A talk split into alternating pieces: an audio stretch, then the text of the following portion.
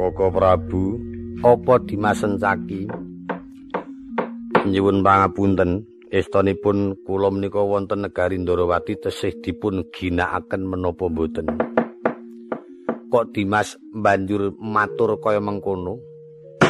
Tegesipun ngaten, nek pancen isih digunakake ditetepno apa pakartine lan wonten menapa-menapa kula kedah dipun dawuhi saora-orane kudu nyekel daftaran.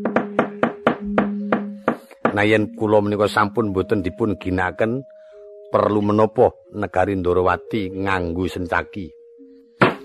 Rada rapatek mudeng. Tegese kepiye Dimas? Negari Ndorowati menika wonten pepeteng. Ing kedahipun Koko Prabu boten perlu ngujo dhateng kamurkanipun ing putra Ndrakasura. Ingin mongko menika mangke temtu badhe wonten kedadosan klenta-klentu. Mbok bilih wonten kedadosan peperangan cilik ana ludira temetes gedhe ana kuwandha gemlimpang sencaki dadi parang cucuan. Mila kula matur yen sampun boten pun ginaken prayogipun paringi dawuh pados kendel kemawon. Pun Kakang ora pisan-pisan dawuh marang putra Mundrakasura. Ingkang supaya gawe dadan perkara. Merga sangka budi angkara murkane putramu setijo nganti banjur kaya dini nglangut rasaning pamikiripun kakang perkewuh anggone bakal menggak. Nanging sawise Dimas Sentyaki matur kang kaya mengkono kurangane apa kawicaksanamu becik dina iki Dimas metu njaba. Wase aja nganti ana kedadian peperangan Nri. Antarja ya elekno, Setija ya mbanjur elekno upami menika mangke. Angger Ndrakasura kula kendelaken boten purun. Mangsa bodho purba wasesane Dimas Sentyaki kang tak pasrahi. Matur sewu nuwun. Pareng medal jawi tata-tata nututi Angger Antarja tun Angger Ndrakasura sing praekno ngati-ati aja kaya bocah cilik. Lono-lono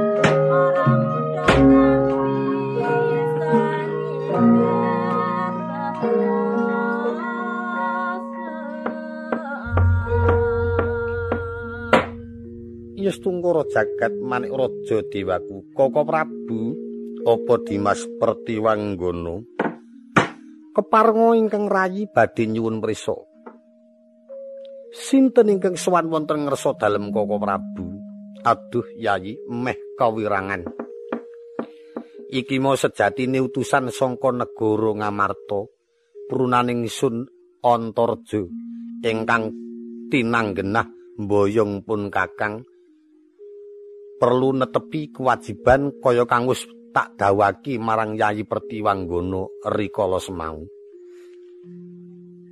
Mula to ingsun durung paring keterangan marang putramu Antarja. Awit ingsun wis kebajut nyandi kang dadi ature Yayi anggone bakal suka pertikel marang pun kakang amripun kakang bantu putra Mundrakasura aja nganti kawistara. Wih, kesinggihan sangat Anggen kula mekatur matur kesinggihan ingkang mekaten menika wau jalaran kang putra pun Antarja dereng ngantos nyipati dhateng ingkang ranyi. Mboten badhe kelampah bilih kedengangan. Iya. Suwawi kula derekaken kundur kedaton. Mangke badhe kula aturi prisa. Ingkang langkung sampurna menggaing raos kula lan permati menggah saking kawaskitanipun Koko Prabu ngreka daya amrih sirnanipun Kang Putra Gatut Kaca lan saged anjalari mulyanipun Kang Putra Puntrakasura mengkono yayi kula nuwun Sombo kula nuwun wonten paring dawuh Marata enggal metu njaba perdandanan tatanan kabeh para wadyabala aja nganti ana dom sumurping banyu. Tri dateng sendika. Kepareng nyuwun pangestu medal jawi tata-tata sumedyaning ayuda sing praikna ngati-ati. Senajan kang abdi kepatihan semantun ugi nyuwun tambahing pangestu kepareng medal jawi. Nata para wadyabala njagi tata tertiping negari Ndrawati Kakang Udawa sing ati-ati. Oh, tuh. Purna pangandikaning nata sabda Pandhita Ratu. Sebdo pangucapan dito temen ratus ngarani. Pangandikaning pendito seklimatan kena wali-wali yen alendro ngendika sepisan rata tiyang sanegari. Kaya tirta kresna kang tumibeng dlancang buya kepareng mebek arsa kundur datulo jelek sangka dampar ginarbek para abdi bedaya kalamuntina sangka mandrawa. Kaya manten anyar pinayang yang kamulyan.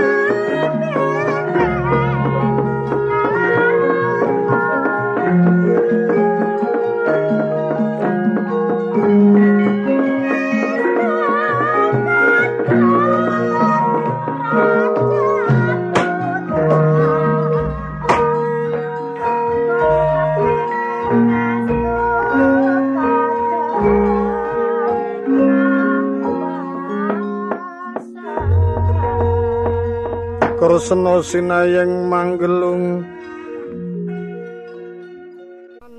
Mira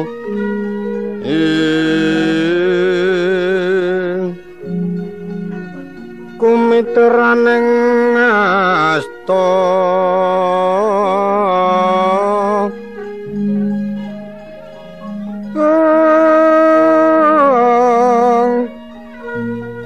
Kramanira lir sagunung pitung gunung. Ing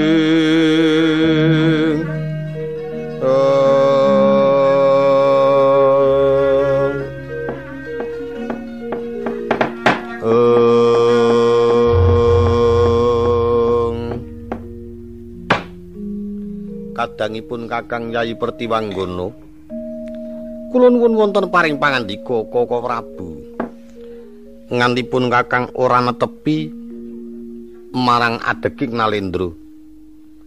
Jalaran pun Kakang ora kundur ana kedaton.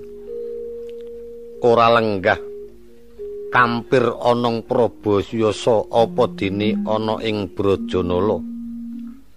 Awit saka kadreng rasanipun Kakang daya-daya enggal bisa mangerti paran kang dadi pengendikane Yayi tumrap marang pun Kakang.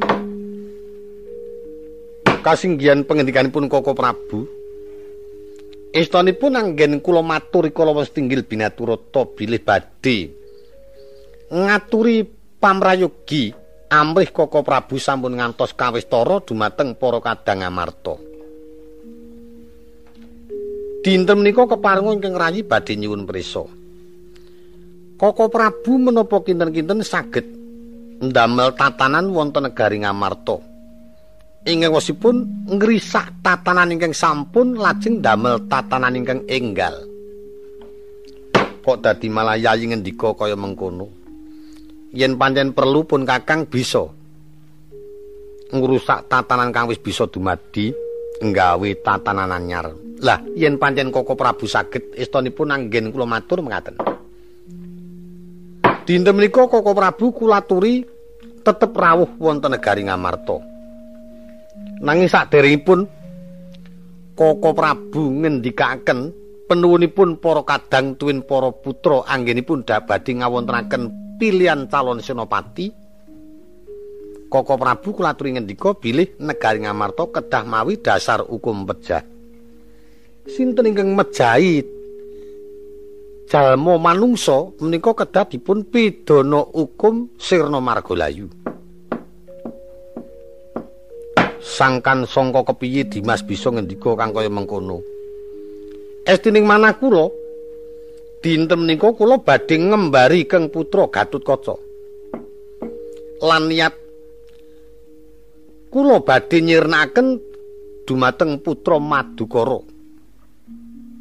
Ingkang sampun kundang satriya gedhong wayu ih pun abimanyu lupute apa yayi kok banjur ngancam marang punaning sun angka wijaya menika calon wiji ratu tanah jawi menawi angka wijaya menika sirna margalayu wiji ratu tanah jawi temtu gentos tiang sanes abimanyu. Saged kelampan malah ingkang putra Ndrakasura pejahipun Nabi Manyu tata gelar ingkang mejahi Gatutkaca. Kabeto negari Ngamarta sampun wonten dasar hukum pejah. Gatutkaca ing saestu nampi pidana hukum Sirna Margalayu. Mekaten menika wau sirnanipun Gatutkaca yen dadosaken mulyanipun ingkang putra Ndrakasura. Sirnanipun ingkang putra Abimanyu yen dadosaken bejanipun ingkang putra Stijo. Mekaten Koko Prabu tata lair Koko Prabu menika tetep rawuh wonten Ngamarta nanging menggahing batos. Bantu dhateng Kang putra pun Srija. Kresna sinayeng manggelung. Mangruk mining cakranira cakranira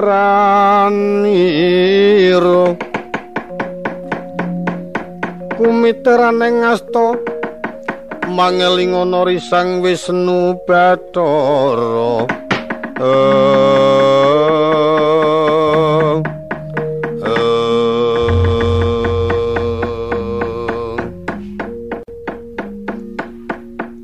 Dimas Pertiwanggono Kuroko Prabu yen pancen mengkono bisa. Pun kakang mingkari manut tak kira pun kakang uga bisa. Gawe tatanan anyar marang prota Praja Ngamarta. Yen pancen Koko Prabu saged kula kinten lantaran menika mangke saged damel mulyanipun ingkang putra Puntrakasura. Iya. Mung kepengin mangerti kepiye kang dadi kasektene Dimas pun kakang kepingin mangerti marang katiasane Yayi anggone bakal ngembari putramu Kaca Negara. Nyuwun pangestu Koko Prabu Dimas Pertiwanggana iya. Ton ya teko mangkono kocapo. Raden Pertiwanggana.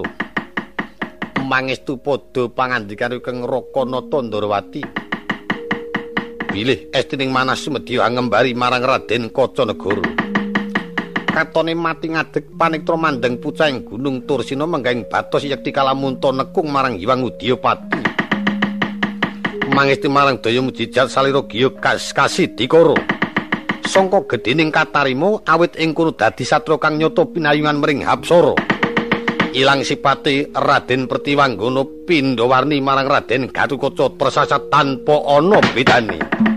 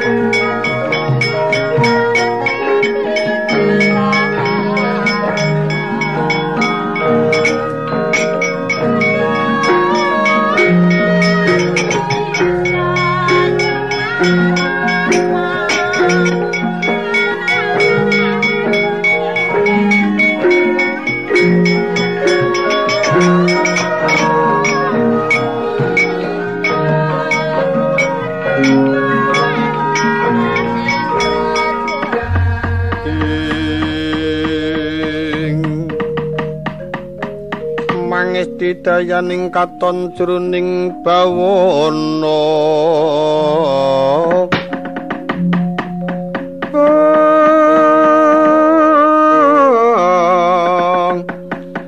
Kiyo mangening kenciptaning rasa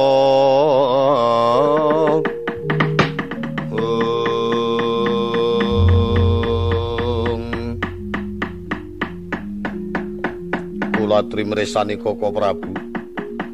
Kinten-kinten menapa tesih wonten bentenipun kula kang putra pun katut kaca. Yen dijukuk tata gelare tetila yen ora ana bedane. Mung sangka kuwatiripun Kakang yen nganti kedengangan dening para kadang amarta. Kula kinten boten badhe saged kamanungsan. Jer saking dasar lipeting manah kula. Yen pancen Dimas mengkono kang dadi kersane muga-muga jawata ngudanane mung welingipun Kakang wae sing prayitna ngati-ati.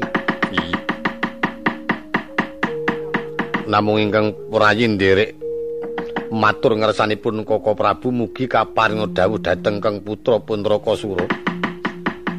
Sabibaring peperangan menika mangki Kang Putra Ndrakasura kaparinga dawuh supados nyuwun bantu wonten ngersanipun pepunden kula Rama Gegawangan Nala. Oh iya to Yayi. Mengko tak dawan.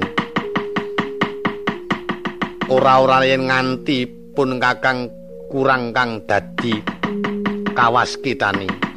Nyuwun pangestunipun Koko Prabu medal pengkeran kemon lampah. Kula sampun ngantos kedengangan. Sing ati-ati. Kanthi sampun lakune yayi aja kongsi kamanungsan. Kula nuwun Koko Prabu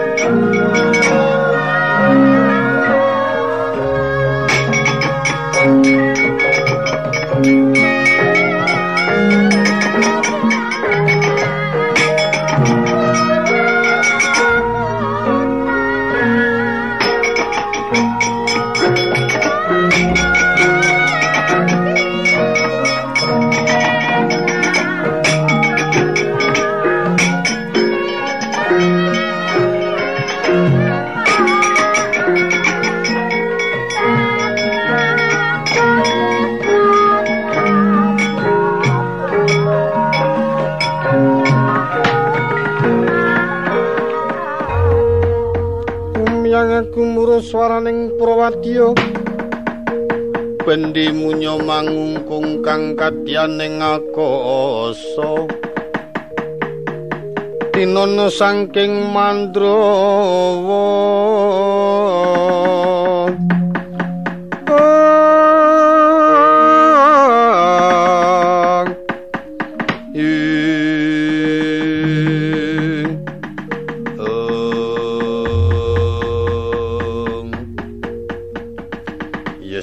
jagat manik raja dewaku. Bakal ndak lakoni kanting lebur laku njalak peninggal paribasan jajah desa Milangkori. Ora pati-pati leren laku kuwi yen durung ketemu karo Abimanyu kang semedya ndak tigas janggani. Tinarita kocapori sang kaca negara Pindawarni sawunya mijil sangka ing kedaton wonten ing ngalun-alun pungkuran etining manah kuatos mbok bilih kedengangan dening para wadya bala Ndrawati. Ing ngriku sumedya ngesti marang daya mujijat. Nampak sigra jejak bantala ngambah jumantara. Bablas umiatur wonten madyaning akasa kadya kinjeng kang tanpa setya angulati marang tejan Raden Abimanyu.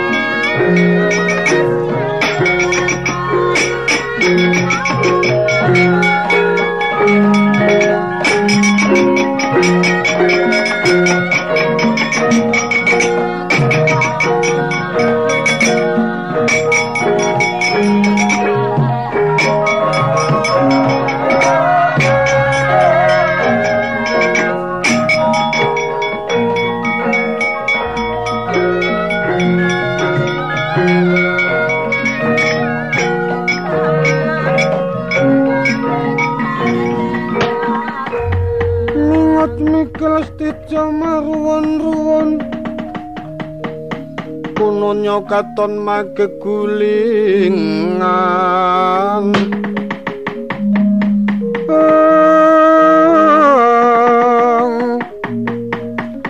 Mangeling ana risang aji panca sono wis mati urip maneh ngeling ana risang subalinoto ing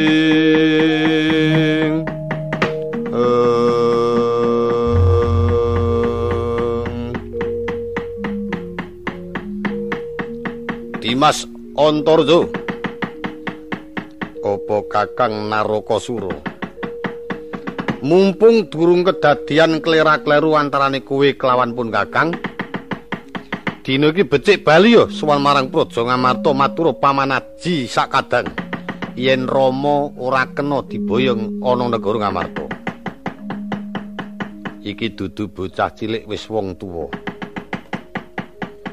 Wose dina ki nganti wa Prabu Bathara Kresna ora kersa tak boyong marang Praja Ngamarta kudu tak suwun ngendikane wa Prabu pribadi syukur kanthi niwala minangka tandha ketemenan lakuku yen wis tekan negara Ndrawati.